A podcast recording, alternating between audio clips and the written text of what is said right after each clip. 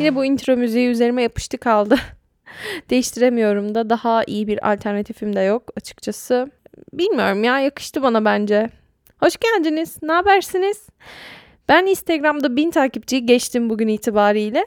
Aman sen de görmemişin takipçisi olmuş diye söylemeyin lütfen. İsterseniz söyleyebilirsiniz. Gerçekten olmadı. Bir yerde takipçi sayısının da bu yerlerden geçmesi gerekiyor. Onun dışında bir taraftan takipçilerim Instagram'da ikiye ayrılmış durumda. Sırf gönderilerim için gelenler ve dinleyicim olanlar. Bir yıl olmadı zaten o Instagram hesabında paylaşım yapmaya başlayalı. İlk postlarımı belki görürsünüz. Kendim bir şeyler çiziktirmeye çalışmışım. Aslında çizim de yapmak istiyordum. Şu anda çizim yapan bir konumda değilim. Böyle bir şeyler yapıyorum ama onları hazır yapıyorum. Yani kolaj demek daha doğru olur bence o açıdan. Bir çizer değilim. Amatör bir podcasterım. Ve siz de Türkiye'nin en az dinlenen psikoloji podcastine hoş geldiniz. Şak şak şak şak şak şak şak şak. İlk defa ısmarlama bir bölüm aldım. Geçenlerde sormuştum ne konuda podcast yapmamı istersiniz diye. Ee, sevdiklerimize destek olmak, sevdiklerimizin mental rahatsızlıklarını anlamak konulu istekler gelmişti bana. Ama tabii ki her konunun da bir zamanı var. O konuyu kaydetmenin zamanı şimdiymiş. Ee, gerçekten çünkü ben de bunu içimde size anlatırken kendime de anlatma ihtiyacı duydum. Bu nedenle mental rahatsızlıkları aslında daha çok anlamak üzerinden bir bölüm kaydetmek istedim ama tabii ki çok çeşitli mental rahatsızlıklar olduğu için bunu depresyon özelinde yapayım dedim. Daha öncesinde bir depresyon bölümü kaydetmiştim. Güzel de ilgi görmüştü. O bölümde anlattıklarımı içermeden, ikinci baskı yapmadan anlatmaya çalışacağım kendi depresyon deneyimlerim üzerinden değil de depresyonu anlama geçmişim ve depresyonda olan sevdiklerime nasıl destek olmaya çalıştığım üzerinden bir bölüm kaydetmeye çalışacağım. Bir şekilde evireceğiz, çevireceğiz, çıkacağız içinden. Öyleyse artık konuyu daha fazla uzatmaya gerek yok. Ben bu konuyu neden konuşma ihtiyacı duydum? Çünkü hayatta en çok değer verdiğim insanlardan birisi kolay bir zamandan geçmiyor şu anda yani kendisi herhangi bir diagnoz almadı ama depresyonda olduğunu düşünüyor. Şimdi söyleyeceğim şeyler birazcık tetikleyici olabilir. İntihar düşünceleri ve yaşama isteği hakkında konuşacağım. Eğer tetikleneceğinizi düşünüyorsanız 1-2 dakikayı mutlaka atlayın. Nasıl ki depresyon ruhumuzun çatlaklarından içeri sızıp yaşama isteğimizi sömürerek bizi günden güne yese de depresyon dediğimiz şey ruh hali düşüklüğünden, düşüşte olmaktan ve kötü hissetmekten ibaret değil belirli bir zamanın içerisinde hayattan keyif alamama, hiçbir şey hissetmeme, hiçbir şeyin heyecan vermemesi ve hatta yaşamayı istememeye kadar gidebilir. Bir zamanlar ben de sürekli olarak böyle hissediyordum. Hiç kimsenin beni yaşamaya devam etmeye ikna edebileceğini düşünmüyordum. Ama sonradan fark ettim ki yaşamak istemiyorum demek örtülü bir yardım çığlığıydı. Güneşin ve güzel havaların içimi ısıtamıyor olmasından bile canım yanıyordu ve bir çıkış yolu arıyordum aslında. Şimdi yaşamaktan biraz keyif alabiliyorum. Mutluluk yakaladığım küçük anlarım var çok şükür. Canımı sıkıldığı ve kapkaranlık hissettiğim anlar da olabiliyor ama regüle edebildiğimi bir tık daha hissedebiliyorum. Japonlar kırılan vazolarını birleştirip çatlaklarını altın tozuyla doldururmuş ya. Ben çatlaklarıma beton mu attım bilmiyorum ama sanki buldum yolumu. O eşiği geçtikten sonra da o eşiğin ardında kalan kendime karşı bakışım da değişti. Yani bazen 6 yıl önceki halime bakıyorum ve sadece üzülüyorum. Yani vah yazık neden becerememişsin ki mutlu olmayı? Ne vardı bu kadar üzülecek güzel kızım falan diyorum. Ama orada kendime karşı ettiğim çok büyük bir haksızlık var bence. Yani elimde değildi. Ben istemedim bunun olmasını. Böyle düşüncelerin içinde kendimi yakalayınca da korkuyorum artık. Ben de anlayamayanlar tarafına mı geçtim acaba diye düşünüyorum. Çünkü sanki ottan boktan bile mutluluk yakalayabildikten sonra hiçbir şeye karşı bir sevinç bulamamak, hiçbir şeyden zevk alamamak bir yargılanma haline de dönüşmeye başlayabiliyor. Yani orada neden acaba hiçbir şeyden keyif alamıyor ki düşüncesini gerçek anlamda hissedebiliyorsun. Yani en azından bunu ben yaşayabiliyorum ki bu bile bence çok büyük bir haksızlık kendime. Aynı şekilde depresyonda olan insanlara karşı da yaptığım bir haksızlık olduğunu düşünüyorum. Çünkü aslında hiçbir şeyden keyif alamama halinin depresyonun getirdiği bir hal olduğunun da çok iyi bir şekilde farkına varması gereken birinci insanlardan birisiyim. Hani bir pedere mezun olarak ya da bu podcast'i yapan birisi olarak. Ama ben bile bunu atlayabiliyorum yani. Dolayısıyla bunu atlamış birisi olarak o hayattaki en çok değer verdiğim insanlardan birisine karşı da çeşitli haksızlıklar yaptım. Yani geçmişte depresyonda olan birisine nasıl destek olunmazı bir bir yaşadım. Bunlardan da teker teker bahsedeceğim. Çünkü bu bölümün aynı zamanda kılavuzluk etmesini de istiyorum. Çeşitli maddeler sayacağım. 10 adımda depresyonu yeneceksiniz arkadaşlar. Hop cillop gibi olacaksınız falan değil tabii ki. Ama hani depresyonda olan sevdiklerimize nasıl destek olabiliriz'i birazcık üzerine düşündüm, araştırdım ve bunları sayacağım. Tabii ki burada derlediğim maddeler herkes için geçerli olmayabilir. Çünkü çok kez üstüne basıyorum. Herkesin deneyimleri aynı değil ve bu kadar basite indirgenebilecek kadar kolay şeyler değil bu. Böyle maddelerle anlatalım, 10 maddede iyileşelim, 9 maddede mükemmel bir şekilde yardımcı olabilelim gibi bir dünya yok. Dolayısıyla çok büyük beklentilerle de girmememiz gerekiyor işin içine. Ancak elimizden geleni de yapabiliriz. Yaklaşık olarak bir 8-9 madde sayacağım. Daha önce öz sabotajı aşmak bölümünde 7 madde deyip 6 madde saymıştım. Hayır bu sefer gerçekten saya saya gideceğim ve saymayı öğrendim arkadaşlar.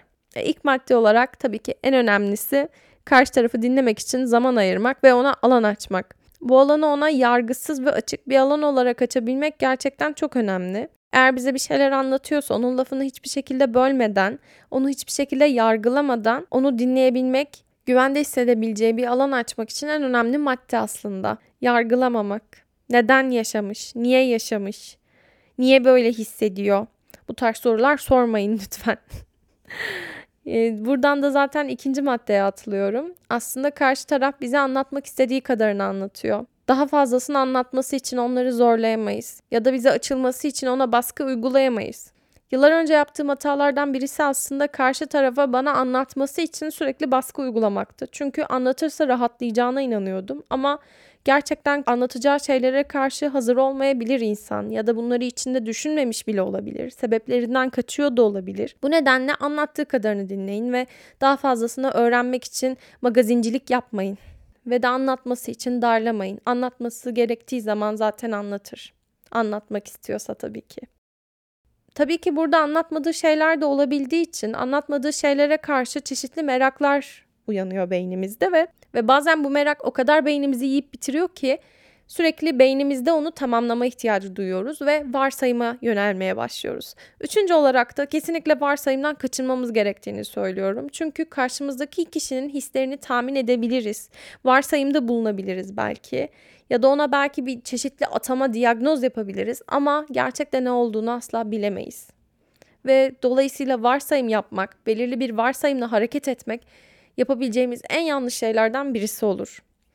Aynı şekilde biz bir ruh sağlığı profesyoneli değiliz. Psikiyatrist ya da psikolog falan değilseniz, hatta öyleyseniz bile zaten çok iyi biliyorsunuzdur. Kişisel ilişkilerle profesyonel ilişkilerin birbirinden bambaşka şeyler olduğunu ama kişisel ilişkiler diagnoz yapmak için, kişinin yaşadığı rahatsızlığa isim koymak için asla uygun ortamlar değil. Bırakın da onu profesyonel insanlar, profesyonel ilişkilerde yapsın. O nedenle kişiye karşı 10 maddede depresyonda mısınız testi yapmaktan kaçının lütfen. Birinci maddede yargısız olmanın ne kadar önemli olduğundan bahsetmiştim. Dördüncü maddede aslında bunu yapmanın küçük bir triğini vereceğim.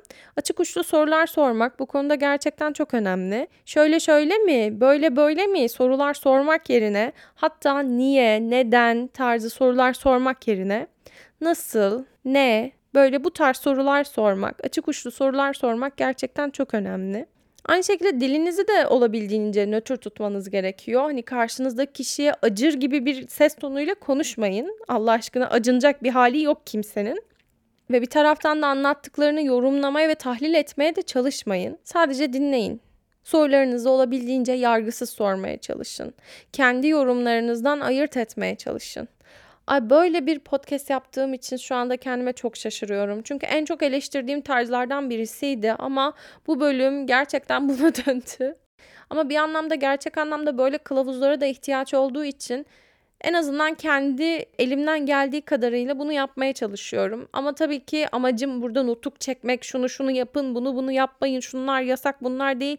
Böyle şeyler değil. Yani siz de artık 21 bölümdür benim samimiyetime güveniyorsunuzdur bence. Yeni dinlemeye başladıysanız da ben her bölüm böyle şu şu şu maddede şunları yapın, bunları yapın diyen bir insan değilim. Lütfen önceki bölümleri dinleyiniz. Beşinci maddeye geldiğimiz zaman da aslında kendi deneyimlerimiz üzerinden konuşmanın da karşı tarafa etkileyici olabildiğini düşünüyorum. Kendiniz mesela yaşadığınız sorularla nasıl başa çıkabiliyorsunuz? Ne gibi yöntemler uyguluyorsunuz? Öz bakım hakkında konuşabilirsiniz karşınızdaki kişiyle. Ya da sağlıklı başa çıkma mekanizmalarınız hakkında konuşabilirsiniz. Eğer varsa tabii ki.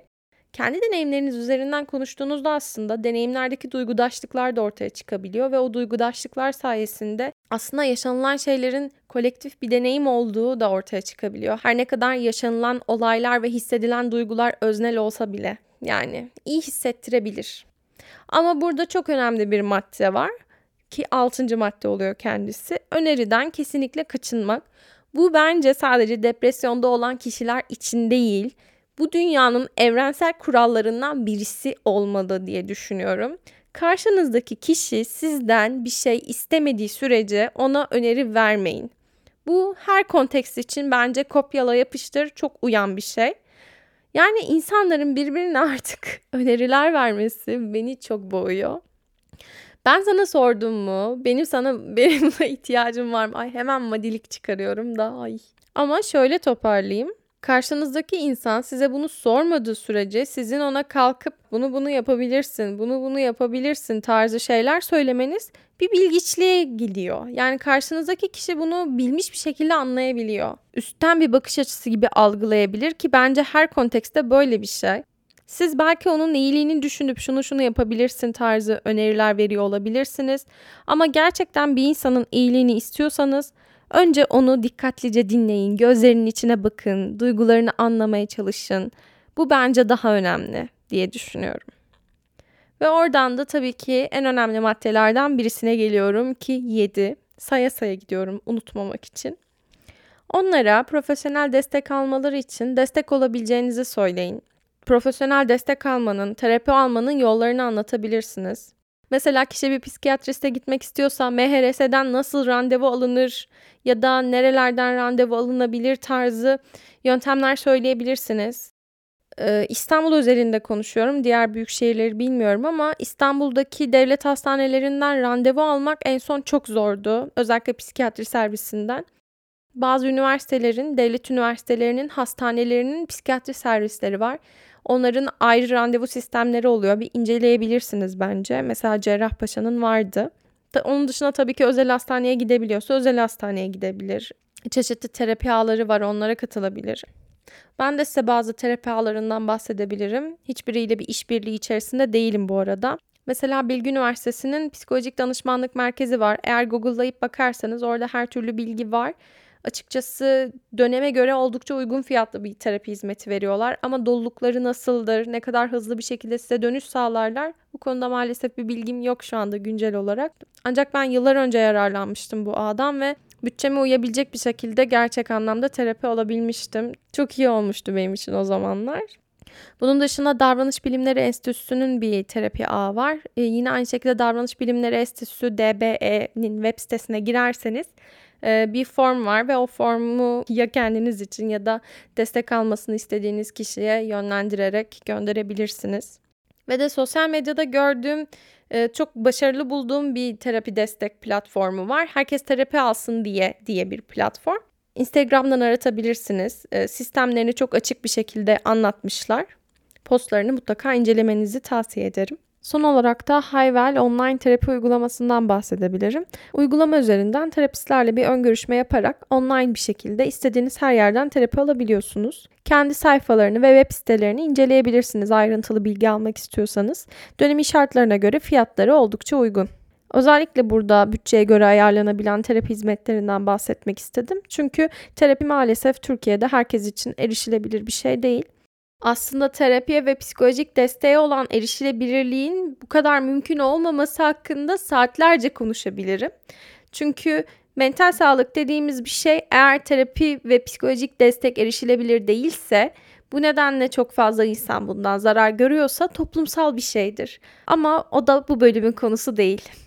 Ama burada e, maddeye geri dönerek önemli bir noktadan bahsetmek istiyorum. Hiç kimseye terapi alması için baskı uygulayamazsınız arkadaşlar. İnsanların e, gerçek anlamda terapi almaya karşı, profesyonel destek almaya karşı çeşitli dirençleri olabilir. Bu noktada terapi alman lazım, terapiye başlaman lazım, işte psikiyatriste gitmen lazım gibi dayatmalarla kimseye destek olamazsınız açıkçası. Bu noktada onları gerçek anlamda kontrol etmeye çalışmayın. Baskı uygulayarak onları ikna etmeye çalışmayın. Bir insan terapiye yalnızca kendi rızasıyla başlayabilir. Ona terapi alman lazım, çok kötüsün demek yerine terapi almanın faydalarından bahsedebilirsiniz. Ama bir istisnai durum var. Terapinin başlangıcında da bir anlaşma olarak söylenen önemli bir madde vardır. Burada konuşulanlar burada kalır tek bir şey hariç sizin kendinize veya bir başkasına zarar vermeniz durumunda çeşitli destek birimlerine başvurabilme hakkına sahibiz der terapistler. Aynı şekilde eğer böyle bir hayati risk durumu söz konusuysa da hiç vakit kaybetmeden profesyonel bir desteğe başvurun. Bunu hariç tutuyorum çünkü hayati bir risk olduğu zaman gerçek anlamda e, bir an önce harekete geçilmesi gerekiyor. Ve son maddeye geldim. En önemli maddelerden birisi Limitlerinizin farkında olun. Yapabilecekleriniz sınırlı olabilir. Daha fazlasını yapamıyor olabilirsiniz ve kendi sınırlarınızın farkına varın ve kendi merkezinizde kalmaya çalışın. Yani kendimizi de yaşanan olaylardan korumamız ve bir çizgi çekmemiz de gerekebiliyor. Kendi mental sağlığımızı koruyabilmemiz için. Ve kendi mental sağlığımızı koruyamazsak, olayların içine sürüklenip gidersek karşımızdaki kişiye destek olamaz bir hale geliriz. Bu nedenle kendi limitlerimizin ve yapabileceklerimizin de farkına varmamız gerekiyor. Çünkü karşımızdaki insana bize izin verdiği kadar destek olabiliyoruz. Daha fazlası elimizden gelemeyebiliyor ve daha fazlası elimizden gelemediği için kendimizi suçlamak gerçekten yapabileceğimiz en büyük haksızlıklardan birisi. Kendi özelime dönecek olursam ben de aslında şu anda bir trouble'ın içindeyim. Gerçek anlamda destek olmak istediğim kişiye karşı elim kolum bağlı bir durumda bu maddeleri ne kadar mükemmel bir şekilde uygulayabiliyorum tabii ki bunu bilemem ama yapabileceğim en önemli şeylerden birisi de kendi sınırlarımı farkında olmak ve karşımdaki kişi o kapıyı kapatsa da hep o kapının arkasında ona destek olmak için onu bekleyeceğimi ona söylemek. En azından belki biliyordur oralarda bir yerlerde her zaman ona destek olmaya, her zaman onun yanında olmaya, yanında olamasa bile fiziksel olarak yanında olan bir insan olduğunu. Kim bilir belki de oralarda bir yerlerde beni dinliyordur ve ona dokunabiliyorumdur biraz bile olsa. Sanırım bunun ümidiyle de yapmaya devam ediyorum bunu. Böyle işte neyse bunlardan bahsetmeyeyim daha fazla yoksa buralar rakı sofrasına dönecek. Böyle bir bölüm çıktı. Bölümün başında söylediğim gibi mental rahatsızlıkların doğası birbirinden çok farklı olduğu için depresyon özelinde bahsetmeye çalıştım. Ama farklı mental rahatsızlıklar üzerinde de düşünebilirsiniz bunları. Bölümde bahsettiğim her şeyi de açıklamalar kısmına ekliyorum. Eğer dönüp bakmak isterseniz bölümün özetine oradan ulaşabilirsiniz. Bir taraftan da hep hayal ettiğim bir bölümdü böyle bir bölüm kaydetmek. Her ne kadar kendi deneyimlerimden bahsetsem ve kendi deneyimlerimin altını çiziyor olsam da böyle bilgiler aktarmak istediğim, bu bilgileri derlemek istediğim bir bölüm olmasını istedim. Çünkü özellikle bu konuda içerik üreten insanların sayısı çok kısıtlı Türkiye'de.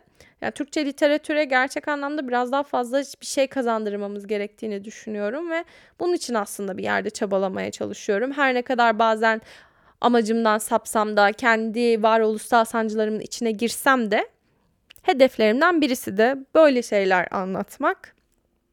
Umuyorum ki siz de bunu beğeniyorsunuzdur. Kanalıma abone olmayı unutmayın. Yıllar önce YouTuber'lar ortaya çıktıktan sonra videolarında kanalıma abone olun diye baskı yapmalarına asla anlam veremiyordum. Ama abone olmanın ne kadar önemli bir şey olduğunu şimdi idrak edebiliyorum. Beni takip etmeniz demek, gerçekten bana destek olmanız demek, beni paylaşmanız demek, gerçekten bu işi desteklemeniz demek. Ben de sizin desteklerinizle beraber duygu yoklamasını büyütebiliyorum. Öyleyse artık daha fazla lafı uzatmadan kaçıyorum. Hoşçakalın.